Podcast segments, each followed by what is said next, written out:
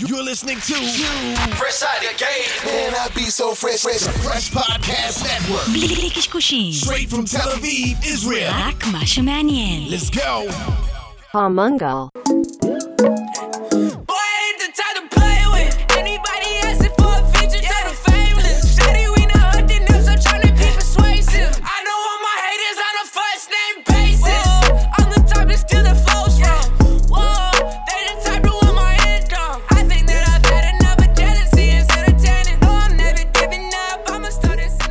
יאללה, המראנו יוסי.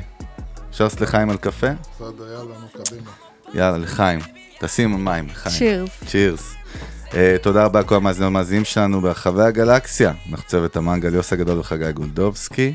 Uh, חזרנו לארח קצת מדי פעם, אה? ככה למרות לסנאקס. שאנחנו לא אוהבים אנשים באופן כללי. אתה לא, אני מת על אנשים. אתה? אז היום אה, הבאנו ישר, הישר מניו יורק, או מהכרמל, אני כבר לא יודע מה להגיד, אבל ניו יורק תכלס. כן, דנה פולג, Five Sigma, מה נשמע? אהלן, thank you for having me. תודה רבה. תודה שחזרתם לארח אנשים. אה, כן, כן. אה, כיף גדול שאת איתנו. אנחנו, כמנהגנו בקודש, אנחנו ננסה לדלות ממך כמה שיותר value. הפודקאסט הוקם בשביל זה, ומשתדלים להישאר במסורת. אז את ה-CMO של 5 סיגמה, סטארט-אפ. נכון.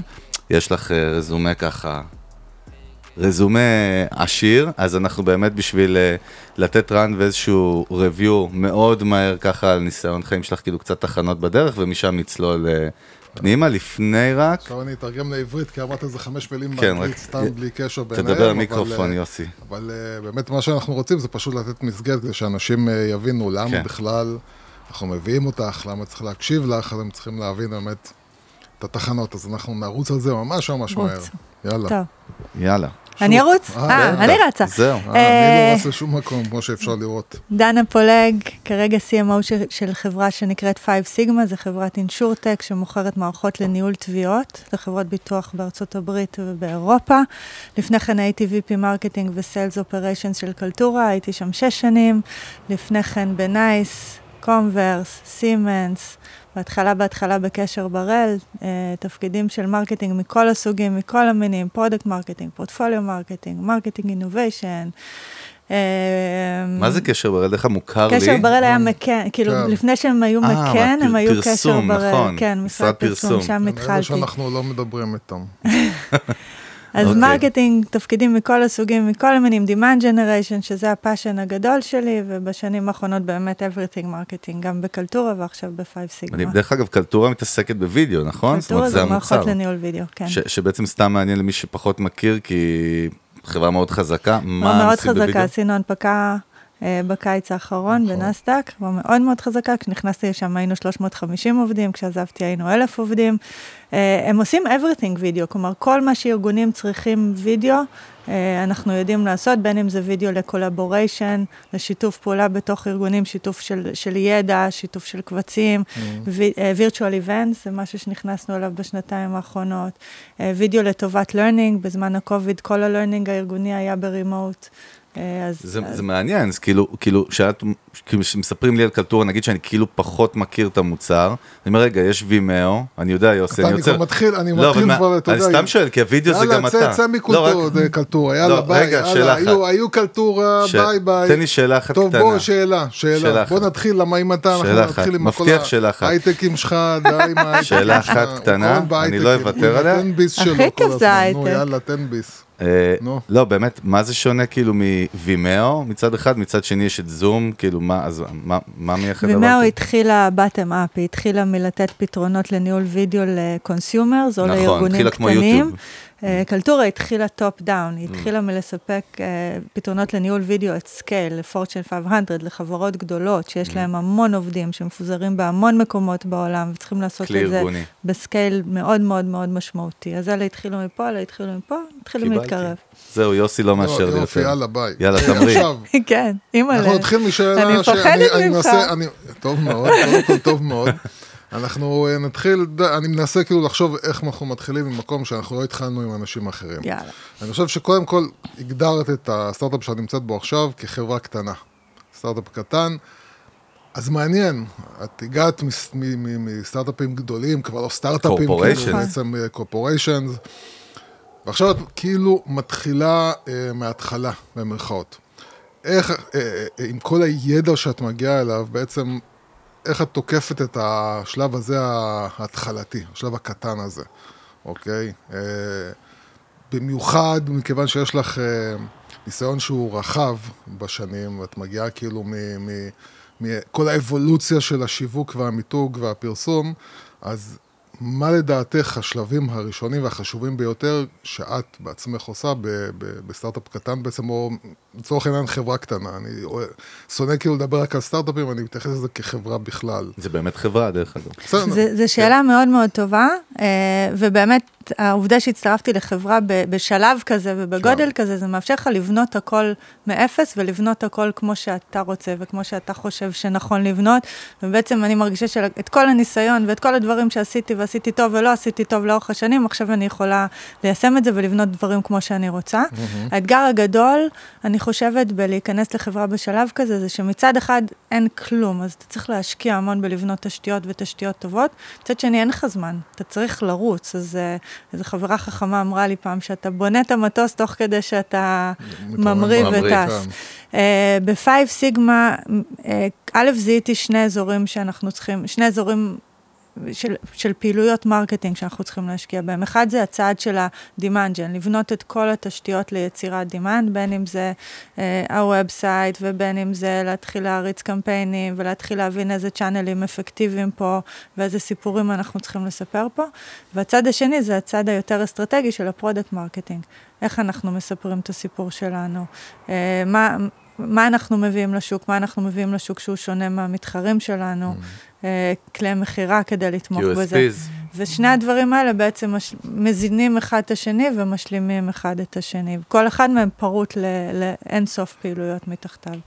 עכשיו, יש באמת משהו ו- שאת מדברת עליו, שאני מדבר איתו המון עם, אה, עם, עם יזמים, ולאו דווקא מ- מעולם הטק, זה באמת שחייב להיות קשר בין המוצר ובין הפעילות השיווקית והמיתוגית שלו. איפה באמת את שמה את הדגש ברמת, ה... איפה את נכנסת בעצם ברמת המוצר בשביל, בשביל לעזור לך ברמת השיווק, המיתוג, זה השאלה נקודה... רגע, רק נזקק את השאלה, כאילו, אתה אומר, אני? שואל, אני אין, לא לא מזוקק לא לי. כאילו, לא עד כמה מזוקק צריך לך. להיות מחובר למוצר או להכיר לא, אותו? לא, לא, לא, לא. אז מה? יש, יש, אה, אה, אה, נגיד אני, לקוחות שאני יושב איתם, אז אני נכנס גם ברמת המוצר, להבין איך אפשר לשפר אותו, איך אפשר לשכלל אותו, איך אפשר, איך אפשר להגיע למקסימום, למה? כי בסופו של דבר, כשאתה בא לשווק אותו, אתה רוצה שהמוצר יהיה בטופ של הטופ, במצב הכי טוב שלו. מקום עדין, אבל כי מצד שזה לא התפקיד שלך, זה תפקיד של אז אני, product. טוען, אז אני טוען שכן צריך להיכנס לשם. עכשיו, השאלה זה איפה, איפה הגבול הזה מבחינתך. אז א', אי אפשר לעשות marketing טוב בלי אסטרטגיה ארגונית חדה וברורה. והאסטרטגיה הארגונית החדה והברורה משפיעה על הכל, משפיעה גם על המוצר ועל ה-go-to-market של המוצר, ואחר כך משפיעה על הסיפורים שאנחנו מספרים ב marketing. זה קריטי. כלומר, אתה יכול להיות איש השיווק הכי מדהים בעולם, אבל אם החברה, האסטרטגיה שלה לא ממוקדת וה-go-to-market לא ממוקד, והיא לא סגורה על מה היא עושה, אתה פשוט לא תצליח. Mm-hmm. האינפוטים שלי, ה product ו marketing חייבים לעבוד hand in hand, בטח בחברות ב- בשלב כזה.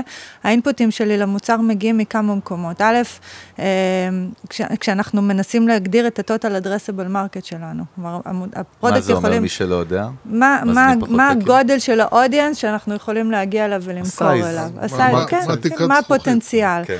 אז uh, ה product יכולים להגיד, אני בונה מוצר שמתאים לזה ולזה ולזה, אבל אני חוזרת אליהם עם input ואומרת, יופי שאתם בונים את זה, אבל זה מתאים רק ל-30 ארגונים בעולם, זה לא יביא אותנו ל- ליעדים שלנו.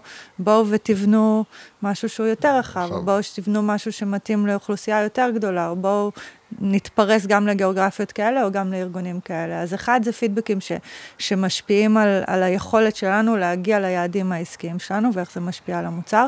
שתיים, זה בגלל שאני מסתכלת על התחרות עם ה product marketing ואני רואה אה, במה אנחנו יותר טובים או במה מתחרים חסרים, אני יכולה לחזור אליהם עם אינפוטים ולהגיד, תקשיבו, אם נעשה את הפיצ'ר הזה והזה והזה, זה ייתן לנו יתרון תחרותי עצום, או שזה יאפשר לי לספר סיפור שהוא יותר מעניין, הוא יותר לא, חזק לשוק. אני מסכים לחלוטין מה שאת אומרת, אבל שאלה, למה צריך את ה marketing בשביל שהוא יבוא עם כל הדאטה הזה? זאת אומרת, זה לא משהו שה product צריך לנהל בפנים? זה, זה תלוי בארגון, זהו, כלומר יש ארגונים שזה. יושב פה, יש ארגונים, בדרך כלל זה יושב איפשהו באמצע ועושים את זה ביחד, ל product יש את החיישנים שלהם לשוק, לי יש את החיישנים שלי לשוק, אתה יודע, אני מקבלת המון אינפוטים סתם, מ-SDRים שיושבים כל היום על הטלפון ומדברים המון עם לקוחות של מתחרים שמספרים להם שהם עכשיו מוציאים. גרסה שעושה ככה וככה וככה, או שאני פוגשת אנליסטים, או שאני בכנס מדברת, אז לי יש את החיישנים שלי, להם יש את החיישנים שלהם, והעניין זה באמת לחבר את כל האינפוטים ביחד ו- ולבנות משהו ביחד. עכשיו, מה, מה שמעניין, אנחנו, כאילו, תמיד בסוף זה מתחלק ל-B2B, B2C, אין מה לעשות. נכון. אה,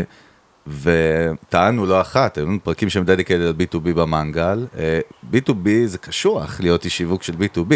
זאת אומרת, מי שפחות מכיר, יש בזה אתגרים מאוד גדולים, כי אם ניתן איזושהי אנלוגיה, אז כאילו מי שמתעסק ב-B2C הוא יותר מגיסט, הוא יכול spray and pray, נכון?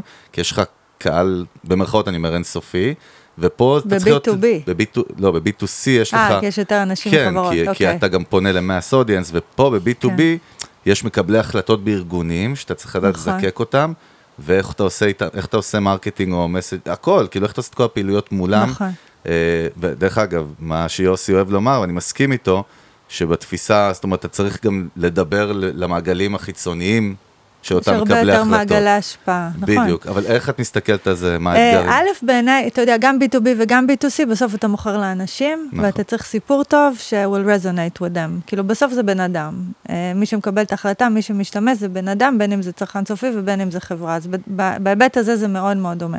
זה מתחיל להיות שונה בדיוק במקומות שנגעת בהם, כי כשאתה מוכר לארגונים, ובטח כשאתה מוכר ל-Fortune 500 או לחברות גדולות, זה מוצרים שהם הרבה יותר יקרים. כבדים. זה הרבה יותר כן. אנשים שמעורבים בתהליך קבלת החלטה. זה תהליך קבלת החלטה שהוא הרבה יותר structured, עם כל מיני מיילסטונס בדרך שאתה צריך לגעת בהם, יש רגולציה, כלומר, אתה צריך להשפיע על הרבה יותר אנשים בדרך. ואגב, וכל אחד מהם יכול להיות שמעניינים אותו דברים אחרים, כי האיש של הרכש יעניין אותו כמה זה עולה, והאיש של ה-IT יעניין אותו כמה זה צורך לו מה cloud, ובסוף ה user יעניין אותו משהו אחר. אז צריך, אתה צריך לראות איך אתה בונה משהו שמנגן ומדבר עם כל הדברים, עם כל החברים האלה בדרך. אז זו אופרציה רוצה- שהיא הרבה יותר אני רוצה לתקוף מורכבת. את הנקודה הזאת בדיוק. תקוף. אה, יאללה. אה, יש פלטפורמות, יש מסרים, יש אה, לקוחות מכל מיני סוגים, כמו שאת אמרת. מה עושים עם זה? זאת אומרת, האם אתה מתחיל להגיד, אוקיי, בפלטפורמה הזאת אני מדבר במסר הזה, בשפה הזאת? פלטפורמה שיווקית אתה מתכוון? כן, פלטפורמה, פלטפורמה שיווקית. אבל איך אני באמת, אה, הרי אני לא יכול, אה, לא, אני חושב ככה, אני לא יכול כאילו לדבר בכמה מסרים בבת אחת, נכון. אני חייב, אז איך מתחילים לעשות את החלוקה הזאת, לפי איזה היגיון? אמ, אז א', עוד פעם, המפתח לשיווק טוב זה הגדרה ברורה של מה אני מוכר, למי? בדיוק, למי אני מוכר ובאיזה צ'אנלים אני מוכרת. וזה צריך להיות מאוד מאוד ברור. כן. ואם אני מוכרת לכמה אנשים, או יש כמה אנשים שאני צריכה לדבר עליהם, אני צריכה לדעת מי הם. כן. מי הם, ומה כואב להם, ומה מעניין אותם, ואיפה הם מקבלים את האינפורמציה שלהם. זה, זה הבסיס. עכשיו, איך אתה בונה את זה? אנחנו היינו עובדים בכל החברות הקודמות שלי ב- ב- ב-cadence שהוא רבעוני. כלומר, כל רבעון היינו בונים איזשהו theme. אה, שזה המסר העיקרי שהייתי רוצה להעביר, ואז הייתי שוברת את זה. את הסיפור הזה אני מספרת ככה לחברים האלה, וככה לחברים האלה, וככה בדיגיטל, וככה כשאני, יש לי speaking באירוע. אה, לפעמים הכל מנגן ביחד, לפעמים לא הכל מנגן ביחד, כי אי אפשר לאלץ את זה, אבל אתה כל הזמן צריך להיות עם העין על ה buyer, כלומר לראות שאתה, שאתה מדבר לבן אדם הנכון ומדבר אליו בצורה הנכונה, אבל לא מתבזר. זאת אומרת, כן, יש לי איזשהו מסר על כזה, אני רק פשוט אה, מתרגם אותו לפי כן, הפלטפורמה. כן, כן. או לפי הלקוח. לפי אה, ה buyer, לפי לפי ה buyer, הלקוח, הפלטפורמה כן. זה כבר ההאו, כן, ה- ה buyer זה המה, כאילו זה מה אתה אומר לו. וזה, שרק שלא נתבלבל, זה, זה לא מחוב... יש יכול להיות שיש את הסלוגן שהוא טיימלס, נכון? כן. הוא למעלה, והמסר צריך להיות מחובר והוא יכול להשתנות. אני אתן. לכם דוגמה, כן, 5 יאללה. סיגמה, אה, אנחנו מוכרים מערכת לניהול תביעות, היא מערכת SaaS, היא בענן, היא המערכת הראשונה לניהול תביעות ש- שיושבת בענן. עם- תביעות של ביטוח. תביעות ביטוח. כן. אה, הכי לא סקסי, אבל הכי נחוץ. הכי. כאילו, לא רוצה להתעסק עם אבל, זה. אבל זה, זה, מי- זה לא, מצד שני זה מיועד מעניין. ללקוח קצה, זאת אומרת, זה לא לארגונים. אנחנו מוכרים לחברות ביטוח, אבל הן מנהלות. תביעות של חברות קצה. זה בעצם משהו שנוגע בכל אחד מאיתנו, כי. כולנו לא, יש אני אין סוף להבין, זה ביטוחים. בשבילי או שזה בשביל החברת ביטוח, הסוכנות זה ביטוח? כדי שחברת הביטוח תוכל לשרת אותך יותר טוב, לת- אוקיי. לטפל בתביעה שלך יותר מהר, בצורה יותר שקופה, להחזיר לך את הכסף יותר מהר. דיגיטליזציה, נכון? להעביר אותם. לתת לך כלים שיאפשרו לך לראות מה קורה. זאת אומרת, אה, גם אני בתור הלקוח של הסוכנות ביטוח נהנה מהמערכת שלכם, או שזה רק הסוכנות ביטוח? אנחנו מוכרים לסוכנות ביטוח, וזה משהו משפיע שמשפר על להם, החוויה שלך זה. משפר להם את התפעול ואת ה-workflows הפנימיים שלהם, אתה אה, מושפע מזה. זהו, אבל אתה- אני- אבל אני לא לקוח שלכם. לא, לא, אוקיי. אני לא מדברת איתך. בסדר. אה, שכחתי מה הייתה, לא, אה, אה, דיברנו על מסרים שונים. כן, בדיוק. אה, אחד, אחד היתרונות הכי גדולים שלנו זה, זה, זה העובדה שאנחנו יודעים לפשט את תהליך ניהול התביעה. מכל מיני סיבות. הסלוגן שלנו זה Claim Simplified. עכשיו, את המסר הזה אני מספרת בצורה שונה לאנשים שונים. לאג'סטרים, שהם אלה אה, מיישבי התביעות, הם אלה שמשתמשים במערכת שלי, אני אספר על איך זה באמת הופך את היומיום שלהם ליותר פשוט, שהם לא צריכים לעשות copy-paste ואין להם שבע מערכות שונות, יש להם רק מערכת אחת, וה, והיומיום שלהם יותר פשוט. ל-Chief Claims Officer, שזה זה ה-Decision Makers, שאצלם יושב הבאג'ט, אני אספר סיפור על איך המערכת שלי עוזרת להם לנהל את הצוות שלהם בצורה יותר טובה, או, או לראות, אה, לראות את ה-KPIים של כל אופרציית התביעות בצורה יותר קלה ופשוטה. את הערכים, לעומת מה ש... כן. בקיצור. כאילו, להסתכל מלמעלה על, על כל מיני אינישטיבס אסטרטגיים. כ- כאלה. כרגע בעצם את מספרת לי על סוגי הפרסונות כן. שלך. אז, כ- אז אני. לוקחת את ה-claim simplified הזה, אבל אני שוברת, אני מספרת סיפור שהוא קצת אחר, בתלות בבן אדם שאני אבל מדברת הוא איתו. תמיד יהיה מחובר ל-claim simplified, למסר. מלמעלה. כן, כן. מעניין. כן. אבל רגע, יש פה שאלה אחרת, זה מה שמאתגר כאילו ב-B2B, שוב, אני חוזר. כן. איפה איפה את מדברת איתם? זאת אומרת, איפה הנקודות מפגש שלכם? כי זה, זה מה שיותר מעניין אותי. איפה את יורה את, ה, את, ה, את היריות של איזה הצלף? פלטפורמות, מה? לא יודע, אני אשמע, רוצה לשמוע אנחנו מדנה. משתמשים בכל מיני כלים. אנחנו משתמשים בלינקדאין קמפיין, ששם אתה באמת יכול לטרגט כן, אנשים ספציפי. לפי הסניוריטי שלהם כן. ולפי התחום שלהם, ואז אתה יכול לשלוט מה אתה מספר למי. אני עושה נגיד בעוד שבועיים round table בשיקגו עם seniors, עם C-Level Chief Claims Officer, שאיתם אני אנהל דיון שהוא הרבה יותר אסטרטגי. פיזית? אה, זאת כן. אומרת, ממש, כן, מפגש offline. כן. אוקיי. כן, אה, שאיתם, אתה יודע, השיחה תהיה הרבה יותר אסטרטגית. יש לי את ה website, ששם זה המכנה המשותף, ה... לא יודעת אם הנמוך, אבל שם הרבה סוגים של. אנשים מגיעים, אז אתה צריך שיהיה לך שם כל מיני סוגי מידע כדי שתוכל לפגוע בכולם. אתה כל הזמן משחק עם זה. offline חשוב בעולם שלך עדיין, אה? offline מאוד חשוב, כי זו תעשייה שהיא מאוד מאוד מאוד מסורתית. Old school, כן. אנליסטים קריטיים בעולם שלי, כלומר גרטנר, פורסטר, החברים האלה קריטיים, trade shows, לא משנה שעכשיו כולם נורא מתרגשים שאפשר לנסוע עוד פעם, אבל trade shows נורא נורא נורא חשובים, וכן, פגישות פנים על פנים. זה עולם שהוא מאוד מסורתי. ואיך איך, איך כאילו מודדים בכלל הצלחה? הרי שוב, בקמפיינים שהם B2C, הרבה יותר קל לי לראות את הפאנלים אה, גם ואת אצלי. המדד. איך? מה? מאוד איך קל זה מתבטא? למה אה, קל? אנחנו, יש לנו מדדים שהם נורא נורא מדידים, בסוף זה לידים, זה MQLים, זה SQLים, opportunities, על זה אני כן. נמדדת. ו- וחוץ מלינקדאין, מבחינת פלטפורמות סושיאל, יש עוד פעילויות אנחנו שאתם עושים מתעסקים? גוגל, אה, זהו כרגע. גוגל עוד- כולל יוטיוב? עוד לא. נגעתם. אה, עוד פעם, אני רק, אני בתפקיד שלושה חודשים, אני עוד מנסה להבין מה, מה עובד שם. כן. אה, עוד פעם, תעשייה מסורתית, אז הנטייה שלי הייתה לא לקפוץ ישר לכלים החדשניים. לא, פשוט להבין כמו שאת אומרת, זה לא. מאוד פשוט, זה מעניין איפה הם נמצאים. אה. כל הקטע הוא שהתעשייה שלך הולכת ונהיית יותר ויותר דיגיטלית נכון, בכל מקרה, נכון. כאילו, אתם רוצים או לא רוצים את זה. נכון. יש לנו למונייד ויש לנו. אה, כאלה שכבר במילא הופכים את כל העסק. נכון. אז, אה, אז אה, כביכול על פניו, האנשים שאת מדברת אליהם אה, אה, חייבים להבין שהם חייבים ללכת לכיוון הזה, אחרת הם... ח- חד יש. התנגדויות, זאת אומרת, יש, את, את מזהה כבר את הנקודות שהן מאתגרות מבחינת למה הלקוח לא. לא ירצה כאילו את המוצר שלך. אה, א', עוד פעם, אני כרגע בשלב של ניסוי וטעייה, אני בתפקיד כן. שלושה חודשים, אני חדשה לאינשורנס, אני עוד לומדת. לומדת מה זה אינשורנס, מכירה את הביירים ולומדת את הצ'אנלים שהם מתאימים או לא מתאימים להם. מבחינת חסמים, בטח, אה, תביעות זה הליבה של ארגון הביטוח, זה ה-core business שלהם, זה, ויש חברות שרצות עם אותה מערכת כבר עשר שנים, כבר עשרים שנה, וזה משהו שמשפיע על המון workflows בתוך הארגון שלהם, כלומר, זה כאילו, זה ממש ניתוח לב פתוח, שצריך להוציא אותו ולשים לב אחר ולחבר את הכל מחדש, זה וואחד מאמץ. כדי שהם יסכימו לעשות את זה, אתה צריך להראות להם value שהוא מאוד מאוד גבוה. בדיוק גבוה. אז השינוי, ואגב, זה בניגוד לתעשיות אחרות, ש, שבדרך כלל ה digital transformation קרה top down. נגיד בבנקים, זה התחיל מהבנקים הגדולים, שהטמיעו אפליקציות. דיגיטל, וש, נכון. והטמיעו דיגיטל. כן.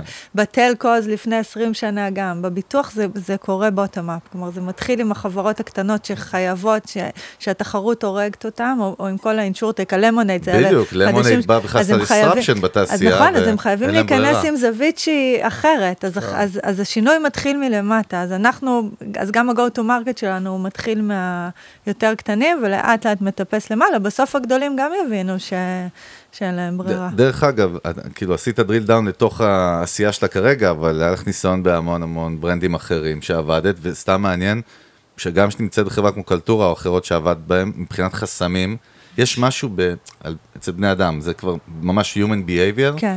שהוא פחות אפילו קשור לתעשיות, יותר קשור למשהו שאתה לומד כשיווק עם השנים, להבין או כאבים או חסמים. נגיד בקלטורה, אני מניח שגם מזה שזו החברה ענקית ומשאבים וזה, גם היו אתגרים, לא? או חסמים. תמיד יש אתגרים, או משם- עבדתי בנייס לפני כן, שהיא חברה עוד נייס. יותר גדולה. וואו, אה, הזכיר לי ממש את העבר. נייס מה- אימפריה. מהאימפריות הראשונות בארץ. ועדיין, ועדיין לייב אבל, and אבל, kicking. אבל נגיד תני איזושהי דוגמה שהיא לא חייבת להיות מעכשיו, חסמים של... כן? אה, חסמים של זה- לקוחות. עוד פעם, זה נורא, זה נורא, בסוף זה, זה שילוב של אה, הבן אדם והמיצוב שלו בארגון ומה הוא מנסה להשיג דרך זה שהוא יביא את המוצר הזה. אתה יודע, אם זה ביזנס אונר שרוצה עכשיו להחליף את מערכת ניהול התביעות שלו, או מישהו בנייס שרוצה להחליף את המערכת של ה-call center שלו, או מישהו בקלטורה, איש אה, HR שרוצה להביא מערכת חדשה ל-learning ארגוני. תחשוב איזה, איזה change management הוא צריך לעשות בתוך מטורף, מה הארגון? שלו, כדי לש... וכמה אנשים הוא צריך לשכנע בתוך הארגון לעשות כזה דבר. אז התפקיד שלך זה לעשות לו את, החיים כמה שיותר קלים, כלומר לתת לו כמה שיותר ולידציות וכמה שיותר דאטה confidence. וכמה שיותר confidence שהוא עושה את ההחלטה הנכונה, ולקחת אותו ביד ו... ולעזור לו המון פעמים בתוך הארגון שלו לדחוף אגב, את זה. זה אם הוא רוצה. זה מה- אם הוא רוצה. זה עוד הקל אנחנו- זה כבר במרכאות. אחרי ששכנעת לא, אותו, מה קורה לא, אם לא קל. להציע לו השאלה אקטיבי? מכל מה שאת אומרת זה, האם אה, אה, אני בתור, אה, בתור מנהל שיווק של מוצר, שחושב כל הזמן על המוצר ולדבר איתך על כמה הוא טוב, צריך להתחיל לחשוב על איך אני מסביר לך כמה הוא קל וכמה שקל להשתמש בו, כמה שהוא עושה את. החיים יותר אז- קלים, אז- ופחות כאילו על פיצ'רים כאלה או אז אחרים. אני חושבת שיש פה עבודה בשתי רמות. כלומר, יש את העבודה של אנשי המכירות במהלך תהליכי המכירה, ששם באמת מדברים עם אנשים ספציפיים, שיחות ספציפיות, ו- ואתה באמת מבין what makes them tick Mm-hmm. ומה, ומה עוצר אותם כרגע. ויש את הרמה של ה marketing, שאנחנו נותנים את ה-air coverage הזה, ועוזרים להבין את הבן, א', עוזרים להם להבין שיש להם צורך, שבכלל יגידו, היי, בא לי כזה, היי, אני צריך כזה, ואז שהם יגידו, אני צריך מערכת ניהול תביעות, אבל את זאת ולא אחת אחרת. אה, אז, אז כן, איך אתה, איך אתה מדבר לצרכים שלהם?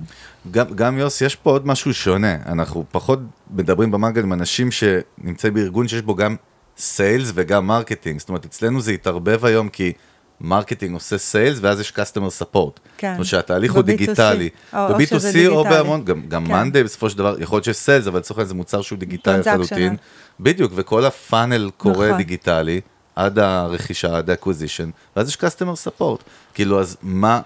אז אני בכל החברות שעבדתי בהן עד היום, זה לא היה fully transactional. תמיד ה marketing היה צריך להביא את הלידים, להביא אותם עד איזושהי נקודה, ומשם אנשי המכירות היו צריכים לקחת את זה לסגור את זה. ולסגור את זאת. אומרת, זה לא נסגר בכלל ב marketing. לא, מעניין, לא, שונה. זה, מערכות אה, מורכבות, כן, יקרות. מה בעצם אה, היום, אה, ובאמת אני לא מבדיל, כמו שאמרת בעצמך, בסופו של דבר בני אדם הם בני אדם, לא משנה מה המוצר, החברה, הלקוח, בסוף זה בן אדם. מה הופך את החיים שלנו היום יותר מסובכים כשאנחנו באים למכור לאותם בני אדם? מה השתנה בבני האדם ב... ב-10-15 שנה האחרונות שהופך את החיים שלנו יותר... שלנו, אתה אומר שלנו, אנשי של שיווק. אנשי ה marketing. אנשי השיווק, כן, מיתוג, אה, שיווק, אנחנו אני לא מדברים על מיתוג, אבל אה, אני חושבת שזה משהו. שדיברתם עליו גם בפרקים קודמים. היום יש גישה אינסופית למידע, אה, כן. לכל אחד. כלומר, כל אחד יכול לעשות את ה... יש איזה, אני חושבת שיש איזשהו data point ש-60 אחוז או 70 אחוז מה, מההחלטה כבר התקבלה לפני שהם דיברו איתך בכלל. כן. כלומר, כשמישהו בא אליי ל website ואומר, אני רוצה לדבר איתך, אית, איתך, אז הוא כבר 70 תהליך. אחוז שם, כי הוא כבר... תוכן אה, כבר. הוא כבר, הוא כבר ראה דברים, הוא כבר עשה דברים, הוא כבר דיבר עם חברים שלו, הוא כבר היה בכל מיני מקומות. אז אני חושבת שנקודת הפתיחה שלך היא, היא, היא אחרת, לטוב ולרע. כלומר, מצד אחד כבר יש לו הרבה יותר אינפורמציה במוח. עכשיו, אם האינפורמציה הזאת היא, היא לטובתך, כן. אז מגניב. אם לא, אז הרבה מה- יותר מה קשה זה אומר, לך. שהיוזר המודרני היום יותר מתוחכם? אפשר להגדיר את זה כן. ככה? הוא יותר אה, knowledgeable. כן, אז זה כאילו, זה טוב וזה יכול להיות, זאת אומרת, זה... ויש מלא אתר, יש לו מלא דרכים לקבל uh, references או reviews של, uh, או של uh, כל מיני קולגות שלו, או של כל מיני אנשים אחרים שמשתמשים במוצר. כלומר, יש לו, יש לו תפיסה של ידע על מה שאתה עושה עוד לפני שהוא מדבר איתך. כן, אפרופו ברנד שיוסי אמר, עד היום עבד במקומות שהם, הם היו ברנדים, כן. נכון? שזה שונה, ועכשיו את מקום שהוא בונה brand? אני צריכה לבנות אותו. מה זה, איך את בונה? מה עושים? איך, איך את מסתכלת אה. על branding בכלל? סתם מעניין אותי. על כל branding זה. מרתק. אמ, איך אני בונה את ה brand? או איך אה, את כי מסתכלת אנחנו, בכלל? אנחנו, דרך אגב, כל הפודקאסט הזה התחיל מ branding. ה branding זה. זה האורים משהו- ותומים. זה הדבר היותר עמוק אצלנו מאשר כל ה marketing פרסום, למרות ש marketing הוא יותר לכיוון של branding, אבל branding, לבנות brand זה המהות שלנו. ו... הכי אנחנו- קשה. זהו, ו- וכל אחד יש לו הסתכלות אחרת על זה. אה, בסופו של דבר, איך אנחנו מגדירים את זה, זה באמת הקשר הרגשי בין הלקוח רגשית. ובין המוצר. ואיך איך את חושבת על בעצם איך בונים את הקשר הרגשי הזה, את המערכת הרגשית הזאת, את הק... בין אני מוצר אני ללקוח. חושבת שזה לא פשוט לבנות קשר רגשי, בטח שאתה מדבר על. מערכת לניהול תביעות, דרך אגב, ביטוח. האנלוגיה שלנו תמיד היא מערכת יחסים זוגית, זה הכי קשה. נכון. הרבה יותר מ-one night stand, כאילו הרבה נכון. יותר קשה מערכת יחסים ארוכת טווח. נכון. ב- ובאמת אחד הדברים הראשונים ש, שעשיתי כשהגעתי זה היה להגדיר את, ה, את אסטרטגיית המיתוג שלנו.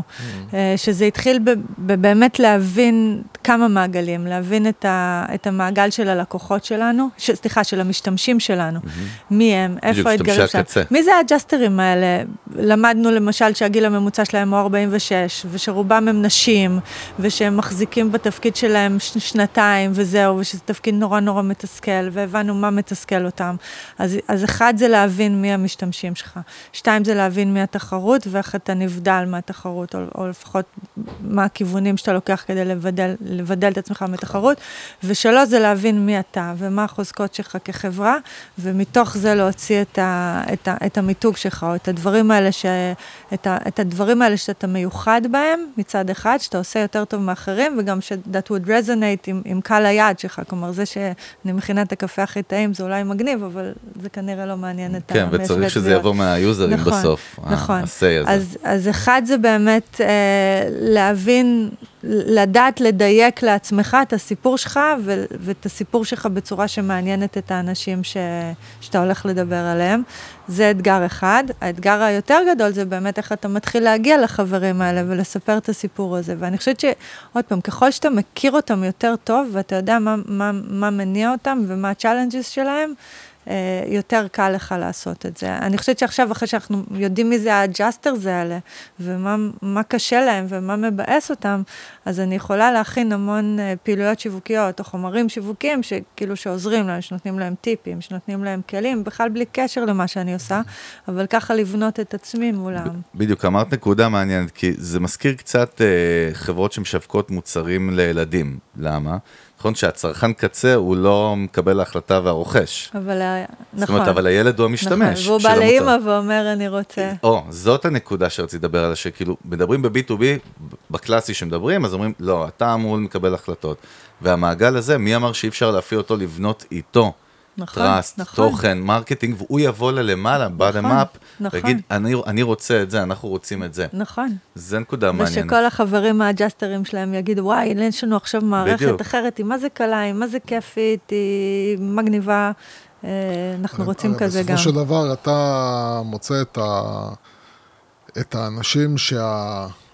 מי שאותו אה, מחליט, שמחליט לקנות, הוא סומך עליהם מספיק בשביל להגיד, אוקיי, אם הם אומרים שזה טוב, ויביא לי, יביא לי, לא יודע מה, יותר הכנסות, יותר לקוחות, אני מאמין לו. כן. זאת אומרת, אז בסופו של דבר, הבן אדם האמצע הזה הוא, הוא המשפיע הכי גדול על ההחלטה. נכון, זה נכון. אה, ד, דרך אגב, אני, אני רואה את זה וחווה את זה גם בעבודה בסלק, שזה מוצר שכאילו, זה, זה מדהים, שאתה נכנס היום נגיד לסטארט-אפ, כן?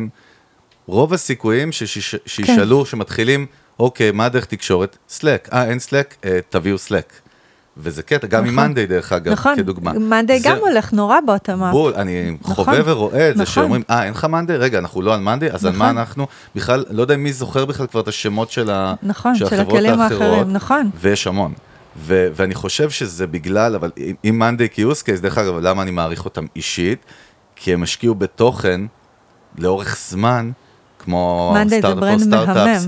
והפודקאסט, והקבוצות בפייסבוק, והערך שהוא בכלל לא מוכר את המוצר ולא נכון. מדבר עליו. מדברים אבל- על productivity במובן נכון. הכי רחב שיש. אבל ו- הם לקחו את זה לקצה, נכון. לא ראיתי הרבה מותגי B2B נכון. שעושים את זה, נכון. אבל השאלה שרציתי לשאול אותך, נזכרתי, לא מזמן קראתי, אנחנו נדבר על זה במנגל באחד הפרקים, על סיילספורס, שמרק כן. בניוף, המייסד שלה, אני לא ידעתי איזה פסיכופת הוא היה ב marketing.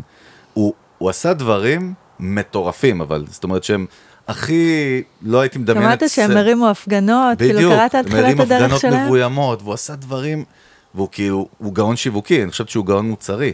אז, אבל סתם מעניין אותי, כאילו, אני לא רואה הרבה חברות B2B עם העוף, לא מצליח למצוא את ה... את הסיילספורס לא, הזה. זה זה נורא אחד- קשה אחד- אחת להיות. הבעיות הגדולות באמת... אה, למה? צריך מה? אומץ? מה צריך? קודם כל נתחיל מבעיה גדולה בישראל, אבל אם יוצאים מישראל, בוא נדבר עולם. מפסיקים להיות אה, כן. זקנים רוטנים, אז אה, הולכים באמת ל-B2B, B2B באמת, הרוב הם מאוד אפורים ומאוד... אה, אני אפילו לא בקטע של אה, לחפש להיות איזה סקסי או מטורף, כאילו, אבל אה, באמת לתת איזשהו משהו שצובע אותך בצבע אחר, כי הרי בסופו של דבר, באמת, אני חושב שאחד הדברים זה הכי אוקיינוס חשובים כחול היום... כמעט. אפילו. אחד הדברים, הח- ב- כ- כאילו גם אני בתור מי שיש לו לקוחות ואני עובד איתם, ואני שואל מה באמת הדבר הכי חשוב לי כבן אדם שמייעץ או עוזר לאנשים ברמה של ברנד ושיווק, מה הדבר באמת הכי חשוב, ואני כל פעם אני מרגיש שבסוף הדבר הכי חשוב זה היצירת בידול הזאת. זאת אומרת, התוכן יכול להיות בסדר, האיכות. יכולה להיות ככה אבל אם לא יצרת בידול אמיתי, כי אין לך כלום. נכון שחייב להיות מוצר טוב, זה מה שנקרא, זה ברור, זה חייב נכון. להיות. אבל אם לא מצאת בידול, אתה בבעיה. ואני לא רואה שבאמת מייצרים בידול, אני לא רואה שאני נכנס לחברת, אה, לאיזה חברת B2B אחת, ואני רואה שם, אני אומר כאילו, אוקיי, אני יכול להגיד לך שזה באמת, הם מדברים אחרת, הם... אין את לא, המשהו... אני, כי- אני מסכימה איתך, אני לא חושבת ש, שרוב החברות B2B משקיעות בזה מספיק. כלומר, ב-B2C זה נורא ברור שאתה חייב brand, ושיהיה לך brand חזק ושיהיה לך בידול. ב-B2B, בגלל שיש עוד כל מיני גורמים ש, שמשפיעים על ההחלטה, אז זה לא הדבר הראשון שארגונים עושים, ואני חושבת שזה טעות. כלומר, בעיניי זה הדבר שאתה צריך להתחיל איתו.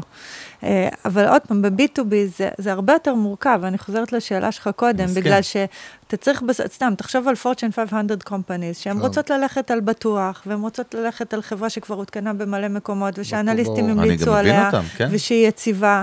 אז אתה לא יכול להיות רק מגניב, כלומר, אתה צריך כל הזמן מצד אחד באמת לבנות את הקרדיביליטי, ולבנות באמת חברה שהיא מה שנקרא Enterprise Grade, ו-checks all the boxes של החברות ענק האלה.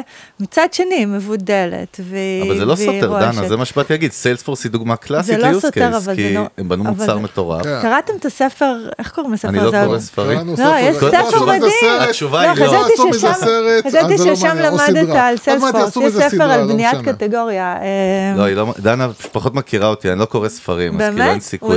שלגיה אה, האחרון. שקראתי בכיתה ו'. אה, ו' אמרת? פוסט לא, לא, בקושי הוא קורא. אצבעוני. אתה קורא?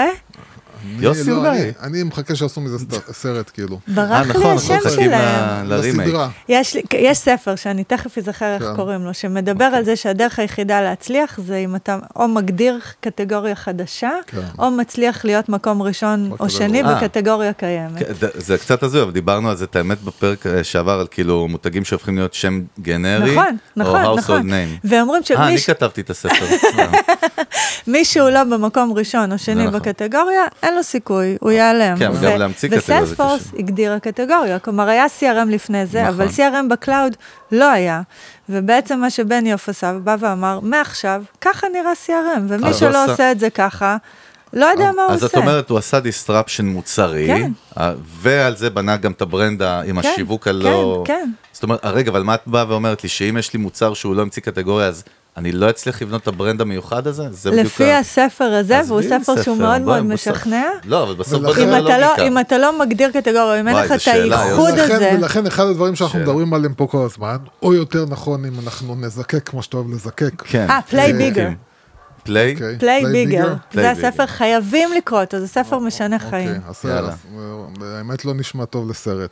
אה, אבל, אה, אבל אני, אומר- אה, מה שרציתי להגיד זה שאחד הדברים שאני אומר כל הזמן זה שהיום להיות מוצר שהוא לא A to Z, מה זה A to Z? זה אומרת שהפתרון שאתה נותן הוא מאוד רחב. אם אתה לא נותן פתרון מאוד רחב, אלא פתרון נקודתי בלבד, קרי סוג של, אה, את הסוג של פיצ'ר בסופו של דבר, ולא איזשהו משהו שהוא נותן פתרון כללי, אם אתה לא משהו באמת באמת בום, נהיה יותר ויותר ויותר קשה גם לחדור לשוק וגם להיות כוח משמעותי. בסדר, אבל זה brand, זה מצד שני אנחנו אבל אומרים ש brand יכול לפתור את אבל זה. השאלה היא גם, לא, איך אתה רגע, מגדיר. כאילו, איפה אתה שם את הגבולות בין feature. לבין... אז אני אומר, אם זה משהו, מה שנקרא כאב מאוד, אתגר מאוד מאוד גדול, שהצלחת לפתור את האתגר הזה ספציפית, מקסימום חברה אחרת בתחום תקנה אותך אחרי זה, אבל אתה, כן, אתה, אתה פתרת כאב מספיק גדול. אבל כן. אם זה לא כאב מספיק גדול, לדעתי, אתה חייב לפתור רשת של שורה של כאבים, משהו הרבה יותר מקיף והרבה יותר גדול בשביל להיות כוח משמעותי. לא מספיק שאתה פותר אבל בוא נסתכל על. סיילספורס כרגע. הם התחילו בתור CRM, ובתור ככה מנהלים תהליך מכירה, נכון. נכון? והם יודעים לנהל workflow. התחילו מסיילס, נכון. נכון. אבל תקחי- ואז הם אה, התרחבו, והם אמרו, אבל תקחי את "כך." סיילספור, יש להם היום מוד, מ- מ- אה, מה שנקרא אה, מודולים. נכון. והם- נכון, אז אתה... לקסטומר קר ולקסטומר הכל סקסס עולם ולמה... שלם. נכון, אז אתה מבין, אתה, הם, התח... הם בעצמם, למרות שבאמת הם נכנסו, ואני אני זוכר עוד מה היה פעם CRM, זה היה גיהנום. האורקל של CRM היה פעם. גיהנום, גיהנום. אז קודם כל הם באו באמת... אגב, גם עכשיו זה כבר מעצבן. אה, אני חושב שזה בעזרת... אה, צריך את הסיילספורס AI, החדש, אה? כן, מי יביא את בעזרת AI, הסיילספורס. החדש? אני חושב, אני, לא, בעזרת AI אני מאמין שילכו ויפשטו את זה והדברים יתחילו לקרות מעצמם מאחורי, מתחת למנוע. בדיוק, office. אבל, אבל אני אומר, הם קודם כל הם נכנסו עם מוצר טוב. נכון. באמת. ומעבר לזה הם גודלים אה, מודולים שהם הם פותחים כאילו את המוצר לעוד אנשים במערכת אז בעיניך ה-A to Z זה זה שהם מוסיפים עוד מודולים, או זה שהם עושים CRM A to Z קחי עכשיו מושלם? בדבר שכל אחד מאיתנו מכיר, אה, פייסבוק, כן? כן. בוא נגיד שפייסבוק היום נכנסת וכל מה שהיא מייצרת זה פיד כאילו. זהו, זה מה שיש. זה לא מעניין אף אחד. כן. זאת אומרת, אתה כבר חייב שיהיה לך את האפשרות בפנים גם לראות אה, וידאוים וסרטים וגם אבל לפתוח... זה גדל איתם, אתה יודע, הם היו נכון, גדולים גם כשהם עשו רק. את הפיד. אני מדבר אה, היום על להיכנס. אתה. נכנס היום, עכשיו, אז זה כאילו כשאתה לא מגדיר קטגוריה, זה כשאתה נכנס לקטגוריה קיימת?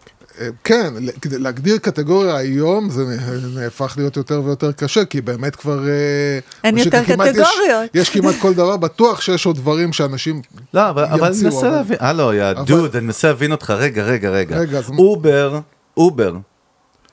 עכשיו- אובר המציאו לא, אבל- קטגוריה, כן, אפשר אה, להגיד. כן, אבל אתה- ו- אבל אתה יכול להגיד, רגע, למה אתם לא משת- משתלטים גם על אוטובוסים? הם יגידו לך, זה לא הפוקוס שלנו. כי לא שווה? אין להם, לא, זה לא, אין להם בשביל מה. את האמת לא דוגמה טובה, כי הם עשו disruption כן, מטורף. תיזהר עם ה... עם ה feature במרכאות. אה, אה, מה שאני, רוא- מה שבאתי להגיד זה כשאני אני מנסה להתחבר לאתגר הזה הגדול שאת מציבה, וזה באמת, אה, שאתה צריך להיות משהו שהלקוחות שלך, יש להם ביטחון בו. אה, לא מספיק שתהיה מגניב, ואני גם לא מדבר דרך אגב על מגניב. כשאני מדבר על ליצור brand שונה או ליצור דיבור שונה, לא חייב להיות מגניב. אני חסיד מושבע של באמת להתחבר אה, ברמה הרגשית ל- ללב. אה, אבל תן לי דוגמה. אבל איך אתה עושה את זה באמת ב-B2B? סתם, אני מוכרת מערכת payment, איך אני מתחברת ללב של מי? ברגע, אני אגיד לך, בוא נגיד איך אני עכשיו סתם בתור אסטרטג, כן? סתם בתור אני- רמטכ"ל, סתם בתור ראש סתם במקרה ממשלה. אלוף, אלוף, בן. אדם כאילו. תותח, תותח על בזה. חלל. אני, אני, לא חלל, בלי חלל בבקשה. למה? אה, הוא- לא, אני הוא- שונא הוא את שונא זה שאני נהיה אומר, בגלל כן, שיוסי פשוט, הוא מאוד מבוגר, הוא בן 80, 89, משהו איך כזה. קראו אז- לזה הילדים? בומר, שמומר, משהו. אה, אז בוא, נקרא, בוא נגיד ככה, יש לי את החבר'ה שעובדים על ה product, ואני בתור, ואני חושב באמת שמנהל שיווק חייב להיות מעורב ב product, אין מצב שמוצר יוצא בלי שמנהל שיווק, כי באמת מנהל שיווק רואה דברים אחרת, ויש לו עיניים אחרות, והוא קולט דברים אחרים, שהם לא קולטים מהטכנולוגים. אז חייב להיות כאילו, ובאמת יושבים ועובדים ומייצרים את המוצר הכי הכי הכי טוב. כן, אבל זה לא השאלה של דנה ששאלה אין אותך. שאלה, אני שאלתי את השאלה. היא שאלה אותך, איך אתה בונה brand רגע. B2B למוצר payment במרכאות משעמם, סתם. נכון. אז אני, אני עושה את זה ככה, השלב של יצירת המוצר הוא מבחינתי לא קשור בכלל לעבודה כאילו של ה brand, כן? יצרתי את המוצר, עבדתי, הצלחתי להשחיל אותו לאיזה כמה לקוחות כאילו שעבדתי עליהם, והצלחתי להשחיל אותם אה, פנימה, כדי לייצר באמת את העובדה שאני יכול להגיד לאנשים אחרים, תקשיבו, כן. משתמשים בזה גם בנייס וגם פה וגם שם. מאותה, מאותו רגע, כל מה שמעניין אותי זה איך אני משנה לאנשים את החיים. ועל זה אני עובד ברמת אבל מי ה- זה האנשים? זה היוזרים, זה ה-decision במק- maker, בוא נדבר זה על המקרה שלך. החברה מהרכש. בוא נדבר על המקרה שלך, אוקיי? במקרה שלך יש כאילו את הארגונים, את ה-B2B כאילו, ול- ול-B... החברות ביטוח. ול-B הזה, יש כאילו את ה-C, כאילו, ש- את הלקוחות שלהם, שבעצם קצה. את אז משפרת פה את אתה החיים אומר של שניהם. שאני צריכה לחשוב על לקוחות רגע, רגע, הקצה? רגע, רגע. אני אומר, יש פה שני סטים כאילו של בני לא, אדם. אבל יש עוד. יש עוד. מי עוד? גם בתוך החברת ביטוח שאני מוכרת, יש כן. את מי שמשתמש בזה ביום-יום. הוא מכליל ויש אותם את ה- כרגע לא, ויש לא, את. האקזקיוטיבס, שהתקציב יושב אצלם, והם אלה שמחליטים. מאה אחוז, אקזקטיבס פה זה אנשים שאני צריך לדבר איתם בכלל? כן, הם אלה שקונים, הם אלה שחותמים הם על הצ'ק. החלטה. חותמים על הצ'ק, אבל האם האנשים שמתחתיהם הם האנשים שבסופו של דבר, ברגע שאומרים להם, זה מה שאתה קונה, הם יקנו, או שהם חייבים שכנוע גם ממך? ברור שהם חייבים שכנוע. סבבה, אז הם גם נוספים לי עכשיו כן. לזה. כל אחד מהאנשים האלה, בסופו של דבר, כמו שאת גם אומרת, אה, הם בני אדם. ולכן אני מדבר, אני מדבר, זאת אומרת, אני מתעלם כביכול מהמוצר. אני לא מדבר עליו בכלל, אני מדבר אך ורק, כמו שאומרים, ללב שלך. אני מדבר ללב שלך. ואני לוקח, הולך כאילו באמת ל... אני מאוד מאוד, למה אני מאוד מאוד נהנה להסתכל על... אה, על אה, מותגים שהם מותגים לביגוד, או מותגים שהם. קלאסיים ספורט, ברנד, כאילו. נייקי. כי אתה רואה, כי בסופו של דבר אין לי באמת סיבה לומר שאני בתור ש- ארגון כן. צריך לדבר שונה מהם. אוקיי? זאת אומרת, בסופו של דבר, ברגע... כן ולא. אני מבין את הלא. רגע. אבל למה שהמאזינים לא יבינו את הלא? מה אתה בבית קפה כרגע בשיחה? יש לך מאזינים, רוצים אני, לדעת. אני מתייחס עכשיו ללא שאת. אומרת, ללא שאת אומרת, אני, אה, אני מדבר עכשיו ללא שאת אומרת. בסופו של דבר, אה, מכיוון שהפלטפורמות השונות שלנו, בכל אחת מהן אני מדבר בשפה שונה. מה זאת אומרת? נגיד בלינקדין אני אדבר ברמה יותר מקצועית, אוקיי? ואז אני אעבור, נגיד סתם, אני אלך, אגזים עכשיו, אני אלך אינסטגרם, טיק טוק, טיק טוק, אה, אה, פייסבוק אפילו, יוטיוב, שם אני מדבר לא ברמה המקצועית, אני מדבר ברמה האנושית. אז אני אעשה layer אחד שכאילו מסביר, מסביר להם בצורה הכי פשוטה בעולם, בלי עכשיו להיכנס. בדיוק כמו שטסלה לא מתחילים, הם רק אומרים לי כאילו, "תראה- האוטו מגניב. עוד עושה דברים מגניבים, כן. הוא מגניב. לא מעניין אותי באמת כאילו, ה- איך עובד. המנוע ולמה, וזה- מעניין אותי שהוא מגניב. נכון. אני, אז אני, אני מדבר איתם ברמה הכי פשוטה של להסביר להם למה באמת המוצר הזה, הוא פותר להם את הבעיות המקצועיות שלהם, אבל בפלטפורמות האחרות אני רק מדבר על, על או על הבני אדם שעומדים מאחורי המוצר, או על האנשים, אה, על החיים של האנשים שמשתמשים במוצר, שמבחינתי זה הלקוח קצה, החברת ביטוח, אבל אני מדבר איתם, אתה יודע, כמו שאנחנו מדברים פה תמיד על תכנים של אה, העיניים. מותגים, זה מעבר לגובה העיניים. אנחנו מדברים פה על מותגים, על, אה, איך קוראים להם, נו, אה, הקפה, סטארבקס, שמייצרים בכלל סרטים דוקומנטריים, כן? על כדורגל ועל כדורגל, סוג של יזמים צעירים. לא קפה, לא. עזבי נגיד לוואצה, שכן כאילו מייצרים סרטים דוקומנטריים על, על באמת, על איך כל מיני משפחות בכל מיני חורים בעולם שמכין, שכאילו מגדלות אה, טפולים. וזה, ופה ושם, אבל הם בכלל מדברים על כדורגל, על דברים בכלל לא קשורים, או, או, או נייקי שעושים לך, אה, על, אה, כן, על... על אה, השאלה אם זה. יכול גם לעבוד לך ב-B2B.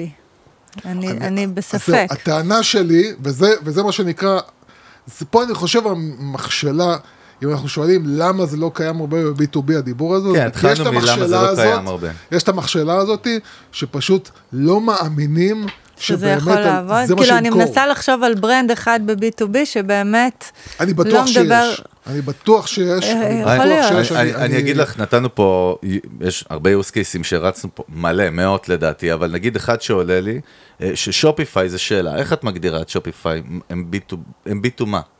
שופיפיי כפלטפורמה ל e-commerce, נכון? הם מספקים, נכון. שופיפיי, בסוף, יש כאלה שיגידו לך זה B2B, כאילו B2, B2B2C, B2C, או כן, B2B, כן, או לא יודע. כן. כי בסוף זה... אבל עוד פעם, אני, אני מדברת על לא. Enterprise Grade Platforms, לא על כאלה שהם יכולים להיות פה. רגע, או למה אנחנו מחלקים נגיד בין חברה כמו וויקס ושופיפיי במ- במבנה מבחינתך? זאת אומרת, הם לא B2B קלאסי? אני בכוונה שואל כדי, כאילו, איפה למקד את השיח? אה, כי, וויקס זה גם שאלה. מה הם, נכון. זה B2B או B2C? את מבינה? זה גם וגם.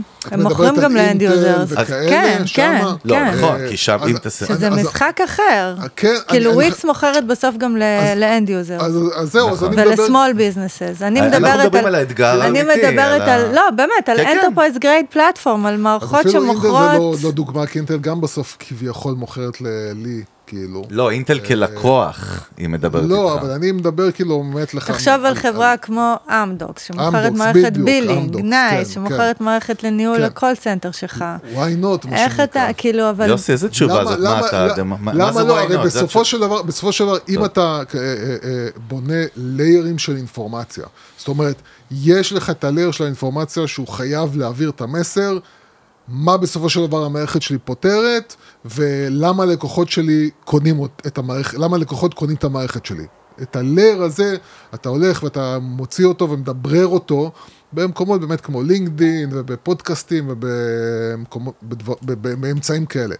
אבל הטענה שלי, שאם אתה לא לוקח חלק מהכסף שיש לך ומתחיל לייצר איתו דיבור שמתעלם מהמוצר ומעביר אך זה אני ורק... מסכימה. זה- ו- ו- מסכימה. וזה, וזה כאילו מותגים שהם... אה, אה, אה, הם אגב, B2C, רוב הדיבור יותר צריך ויותר להיות... עושים. רוב הדיבור צריך להיות לא על המוצר, ולא על יש לי את הפיצ'ר הזה ואת הפיצ'ר הזה, הוא צריך להיות על איזה בעיה אני פותר, או איך אני עוזר לך, או איך החיים שלך ייראו אבל זה, אבל אחרת. זהו, זה, זה כאילו, אבל זה לדבר על זה בצורה שאני בכלל לא יבין שאתה מדבר על שמע, יוסי, אם הייתי לא- מודד לא- ב-AI כמויות מילים היום, זה כאילו אתה כבר ב-160 אחוז, ואנחנו כן. על 4. אתה נואם היום, כאילו איפה, ב- מה אתה כובש יש לך מדינה? משהו חכם להגיד? מה, אתה כמה באוקראינה? לך זמן אתם, כמה שנים אתם ביחד? אנחנו היינו היינו נשואים 10 שנים וגרושים שלוש, אה, משהו ומתי כזה. היה יותר טוב? ב... בגירושין, בגירושין. חבל על הזמן. ואיך הכרתם, איך זה התחיל? אה, בגירושין לפני. אני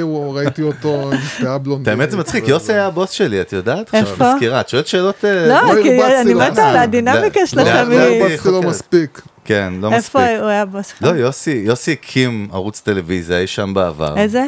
נקרא הידברות, סיפור ארוך, אבל הקים ממש כאילו מערכת מדיה שלמה. ערוץ, מה זה מערכת מדיה? זה היה ערוץ ב-yes בעוד, ואתר מטורף. הידברות? כן, בזמנו, וכאילו אני באתי להקים שם מחלקת סאונד, אבל כאילו עבדתי תחתיו, ואז קיבלתי את כל הרוע ממנו. אה, ככה זה התחיל. אה, מה שרציתי להגיד, נזכרתי עכשיו בדוגמה, הבאנו פה, היה לנו פרק שהראינו use cases על, על מותגים בינלאומיים, רובם טקים, שהקימו מערכ, אה, מערכי מדיה ברמה של studios.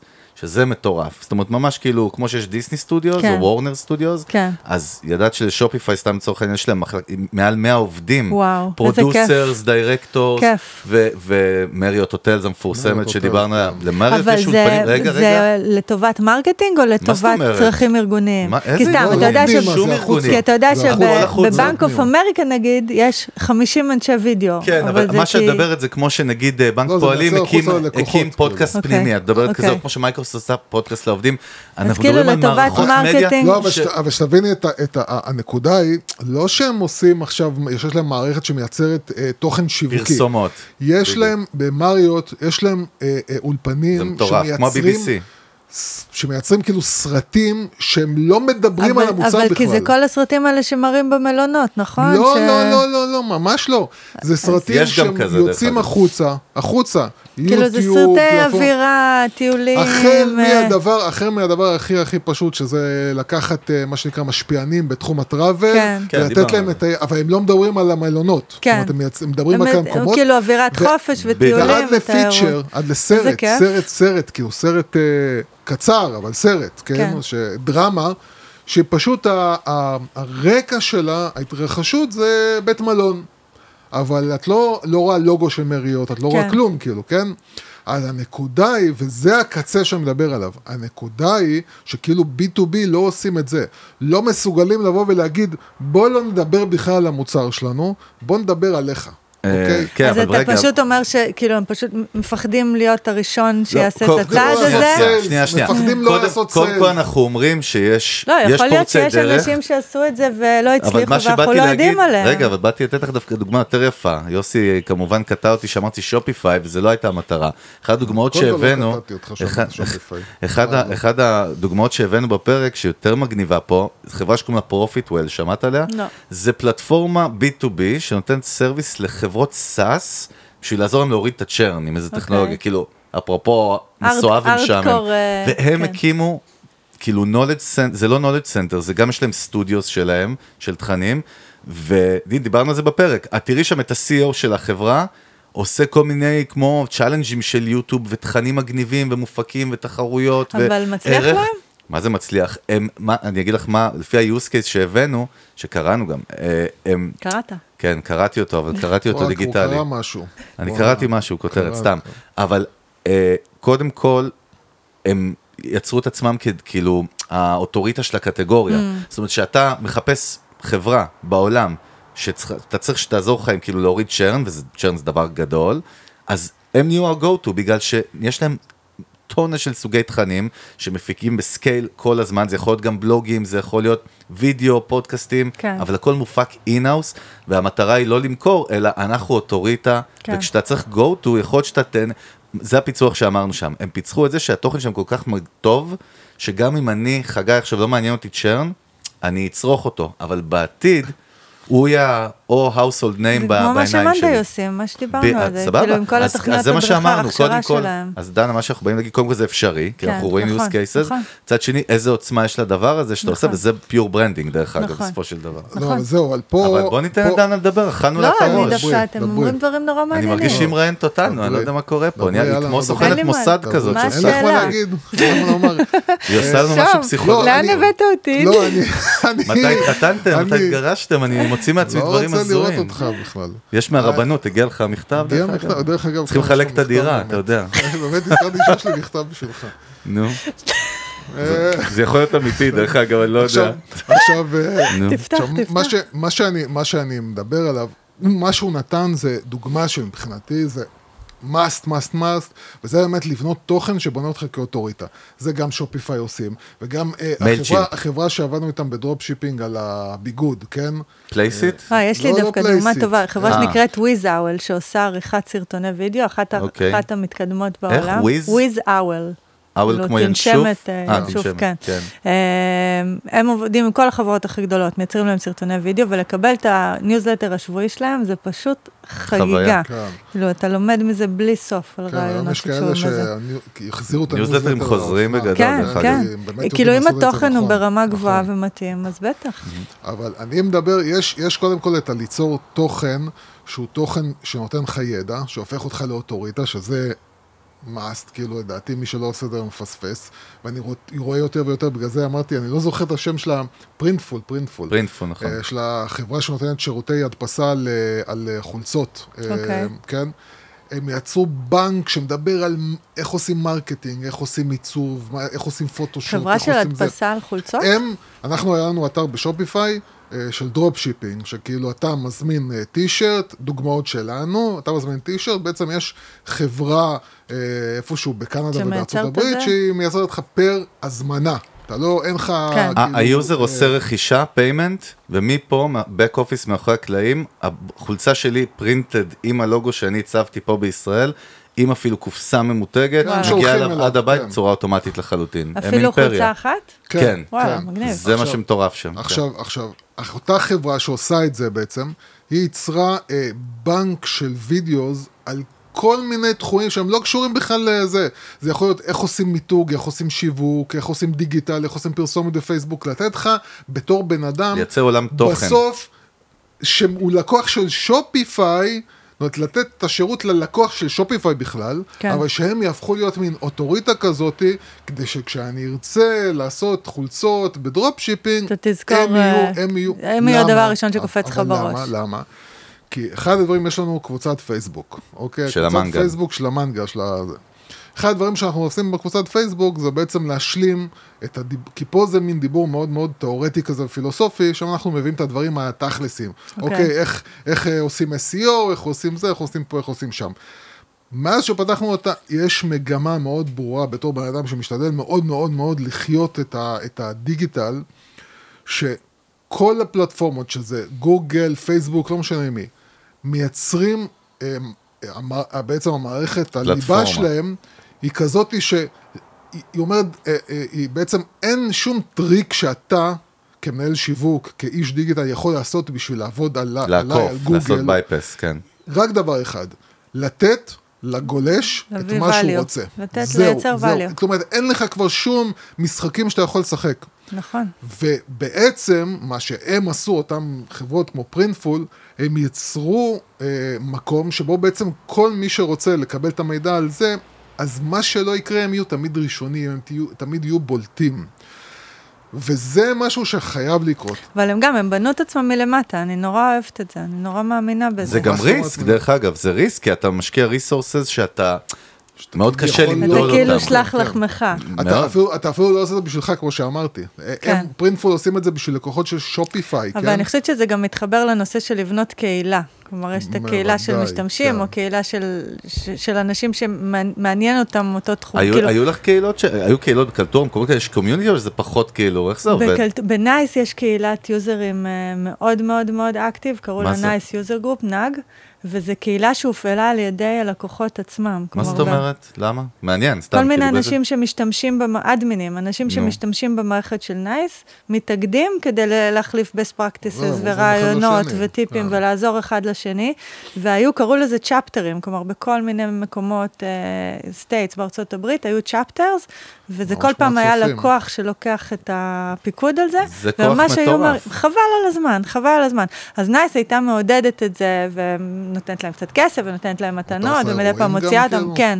אבל זה רץ על ידי הלקוחות, שזה היה מדהים. כן, זה גם וויקס דרך אגב עושה את זה. נכון, נכון, נכון. אה, זה כוח, דרך קהילות אפשר לעשות את מה שאתה דיברת עליו עכשיו בצורה אז זהו, מדהימה. אז כל מה שדיברתי עליו, זה שלב שאם אה, אה, ארגון לא עושה את זה, אז הוא כאילו חייב. אבל אני מדבר על שלב הרבה יותר קיצוני מזה.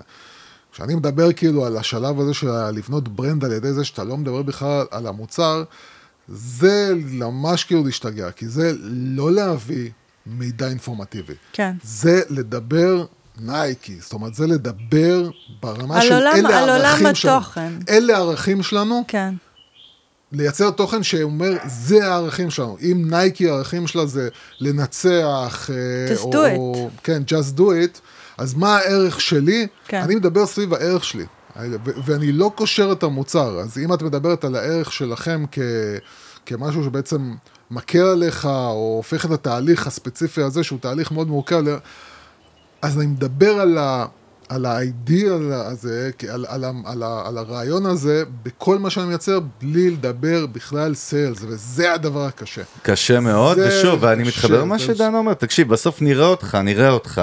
בא לא, עכשיו- זה נראה את המנכ"ל תראי, זה שלה, יופי, עוד לא שאלתי את השאלה, הוא אומר לא. הדירקטוריון שלה, נראה, זה נראה. היא לא בטוח שהיא תפחד לעשות את זה, אבל הדירקטוריון המנכ"ל שלה, שלי, כל עוד ה-CEO אני שלה בסוף יפחד. מביאה את הלידים, הוא יהיה מבסוט. לא, כן, אבל אני רוצה לראות אותך באה באמת ל-CEO ואומרת לו, תקשיב, אנחנו הולכים לייצר תכנים, הם לא ידברו בכלל על המוצר, הם לא יפנו לפאנל, הם לא יעשו שום דבר, הדבר היחיד זה שיהיה בהתחלה לוגו, יופק על ידי...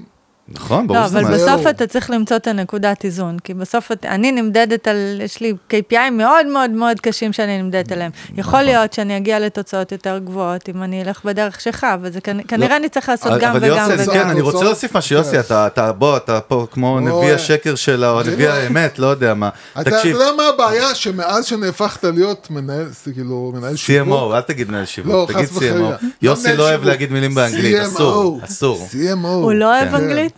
הוא אוהב אנגלית, אבל לא אוהב, לא יודע זה מה. כאילו, אה, נו, CMO, בסדר. מה שינית והעברת את הכוחות שלך לכוחות. הרע, כאילו, כן?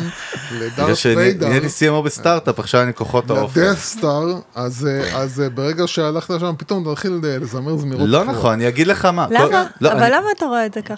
כי, ככה, כי פתאום הוא רואה את הצד של, אני לא מעניין אותי הצד, מה זאת אומרת, אני, איך אני מסביר, מה אני אומר, מה אני אומר, למה, אתה אתה אומר יותר פעם, מדי פעם דיברתי עם. איזה מישהו, עם אה, יזם, נו. אמרתי לו, איך, ואנחנו היה לנו, הייתה לנו? חברה, והיא התרסקה בקול ענות אה, לא חלושה בכלל, ו, ו, וכאילו, וזה היה הרבה כסף שלנו, מושקע שם.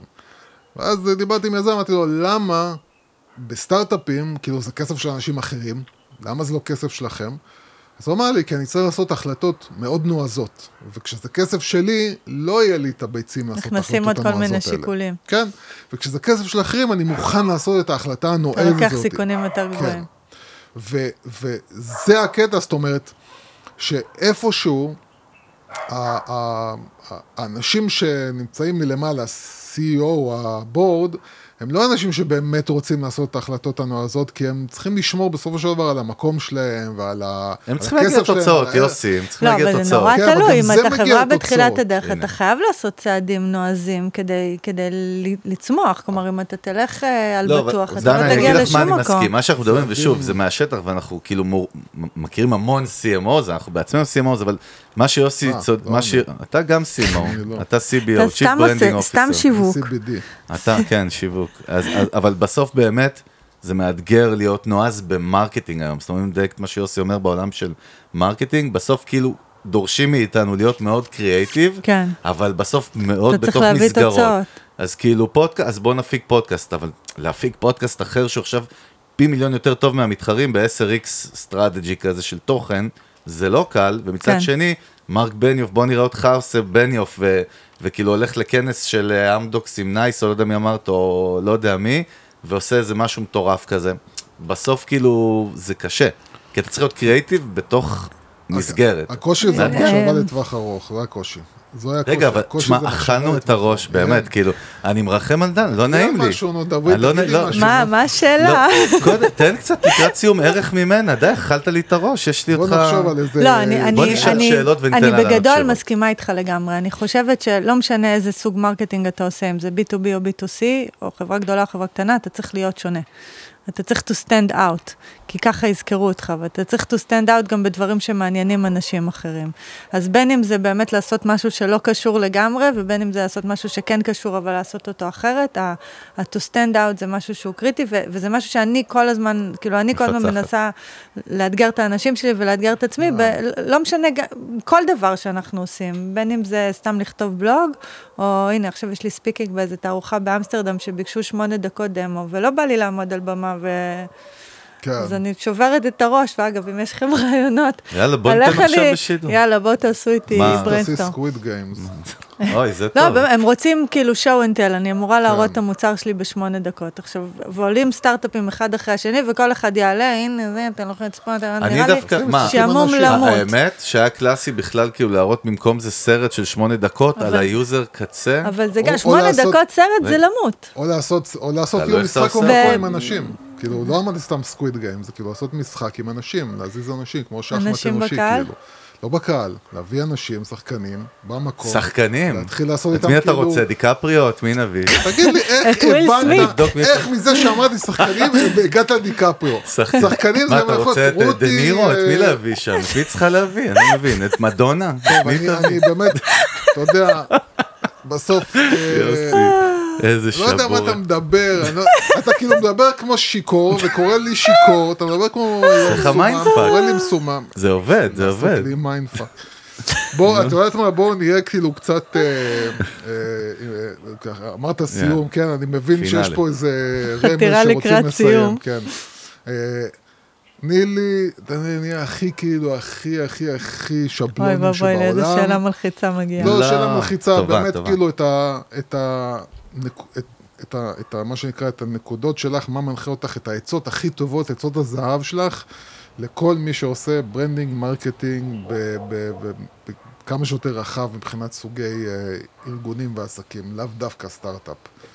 אז- ב-2022. אז כמה דברים מכל מיני מימדים. אה, אחד זה באמת שאתה צריך אסטרטגיה אה, עסקית חדה וברורה. אה, זה ההתחלה של כל אה, אסטרטגיה שיווקית. אם אין, אם אין הגדרה נורא ברורה של מה החברה שלך עושה, מה היא מוכרת ולמי היא מוכרת, וזה לא חד קטר, אתה לא תצליח לבנות סביב זה סיפורים מעניינים. אז זה אחד. רגע לפני שאת עוברת לשתיים, תזכרי, לא, טוב, אני אזכור, תמשיכי, אני אזכור את השאלה שלי אחרי זה. שתיים, זה היכרות מאוד מאוד טובה עם קהל היעד שלך. ככל שאתה מכיר אותם יותר טוב, מבין אותם יותר טוב, יודע מה כואב להם, איפה הם מסתובבים, איפה הם לומדים, מה מציק להם, מה הם צריכים כדי להרגיש אה, מלך העולם. ככל שתכיר את זה יותר טוב, תעשה, תדע יותר טוב. אה, בתור marketing, אני גם מאמינה מאוד גדולה בעבודה עם sales, לא דיברנו על זה בכלל. נכון. אבל בעיניי. marketing ו sales זה, זה הולך ביחד. והם העיניים והאוזניים של, שלי לשוק, ואני האוזניים והעיניים שלהם ל- הם הלוחמים לאזורים אחרים. בחזית, הם נכון. החי"רניקים. אז העבודה, ה handshake הזה הוא קריטי, וה trust הזה שאתה בונה עם ארגון המכירות, בטח ב-B2C, הוא, הוא קריטי. אני לא יכולה להצליח בלעדיהם, והם לא יכולים ב-B2B להצליח התכוונת. בלעדיי. ב-B2B, סליחה. אה, אז זה דבר שלישי. אה, והנקודה הרביעית, כן, אז, אז כמו שאמרנו קודם, זה to stand out, לראות איך בכל דבר שאתה עושה אתה מצליח to, to stand out, ו, ולא לפחד לנ- לנסות וליפול ו-try and error, וכל הזמן לעשות אופטימיזציות. marketing זה הרוב, רוב הזמן אנחנו נכשלים, אנשים לא מבינים את זה זה. ניסוי וטעייה. בדיוק, זה, זה experiment תמידי וזה בסדר, זה בסדר להיכשל, רק צריך להיכשל מהר. נכון. והיה פה אה, דיוויד יצחקי המדהים מ- מסטארט-אפ שנקרא בוקווי, לא יודע אם את מכירה, סטארט-אפ מדהים, הוא B2C דרך אגב, מוכרים כרטיסי אוטובוסים בצורה דיגיטלית. היה נכון? פה? ד- היה פה, תגיד, מה, אתה בבית אבות? עם מי? אתה מדבר?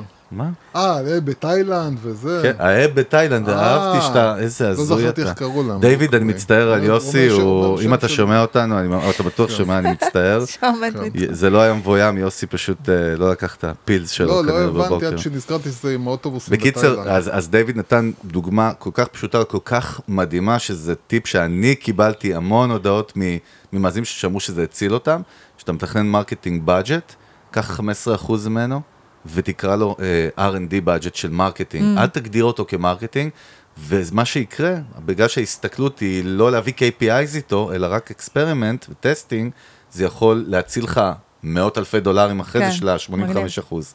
אה, אז זה לגבי זה, לא זוכר למה אמרתי את זה. יפה מעולה. אז- רגע, רגע, יש לי שאלה על, התשובה זהו. של דנה, לסיום. יש לי- ויש לי שאלה אה, על התשובה אה, שלך. התעוררת, לשאלה אני רואה. התעוררת. כן, יש לי מתי- משהו שאף מתי זה פעם לא- נגמר פה? אה, לא יודע, עוד כמה שעות. אף פעם. אבל לגבי מה שאמרת, אה, אחד. אסטרטגיה ברורה. אסטרטגיה ברורה.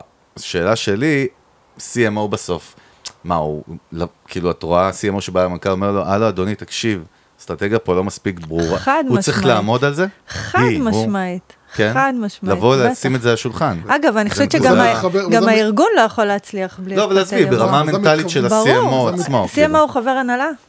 נכון. וזה מתחבר לשאלה האחרונה, חביבה, שרציתי לשאול באמת על זה, זה מה הס- היזם סלאש CEO צריך לדעת כדי לעבוד נכון עם, עם מנהל שיווק שלו. כאילו, מי צריך- שעובד עם, המנ- מעל המנהל שיווק, נגיד, או מה, איתו, מה הוא צריך לדעת, מה הוא צריך לעשות נכון כדי שהמנהל שיווק שלו יעבוד יצליח. טוב. כן. אז אחד, קודם כל זה באמת להגדיר את הכיוון הברור הזה, אה, האסטרטגיה. האסטרטגיה הברורה הזאת. אה, ועוד פעם, והכיוון הזה יכול להשתנות, ו-. ואתה יודע, כל הזמן לומדים וטועים כן. ועושים אופטימיזציות, which is fine, אבל שכל הזמן נדע שנכוון את כולם לשם. אה, מה עוד מנכ"ל צריך לדעת? אה, נראה לי שאם האסטרטגיה הזאת תהיה כל כך טייט, אז זה כבר כאילו 90 אחוז מה... טוב, זה כבר על ה-up to זה the עושה את CMO. העבודה הרבה יותר קלה. כן, אבל מבחינת נגיד כאילו המערכת יחסים, או לא יודע, מה רמת להציל סמכויות, או אני לא חושבת להתערב. ש-CMO טוב, בסוף יכול לייצר לך גרוס בחברה. כלומר, אם אתה... זה המפתח האמיתי? זה להצלחת הפוזיישן חברה. הכי ח- נכון, חשוב היום. נכון. טוב, היה כיף. דרך אגב, סלק, אתה אוהב סלק, יוסי? אוהב סנאק. מה מה השאלות האלה? איזה סלוגן כאילו? טוב לסלק, דרך אגב. טוב, דנה, קודם כל תודה רבה, היה כיף. עכשיו רק התחלנו. להיפתח, את מבינה, אחרי שעה זה קורה. נכון. עכשיו אני מתחילה לגלות בוא. היינו עליכם צריכים דברים. קוקטייל צהריים, אוקיי, את האמת. לא? אה, אז זהו, אנחנו רוצים באמת אה, להודות לך, היה כיף, ובהצלחה רבה. תודה רבה. אנחנו, יש לנו מסורת במנגל, עכשיו את תיכנסי אליה, נכון? אוקיי. כל מי שבא פה בפוזיישן?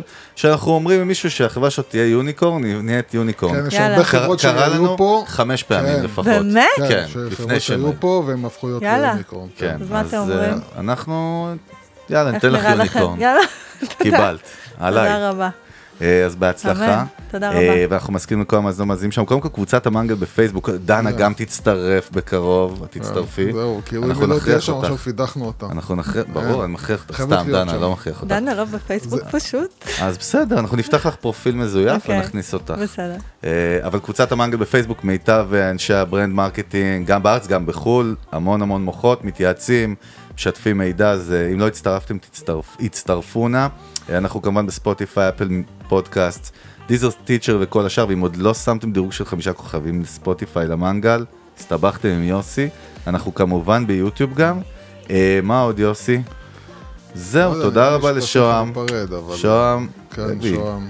שוהם, our brother from another mother, אה, תודה רבה. Our brother for another mother? our, our brother from another mother. לא for another mother. לא כן? for, from. לא. אה, הייתי מודאג כאילו- שנייה. אתה- מודאג כן. רגע. כן, בסדר. אנחנו מודאגים היום. זהו. היינו המנגל, חנו את הראש. תראה בפרק הבא, ביי ביי. ביי. תודה רבה.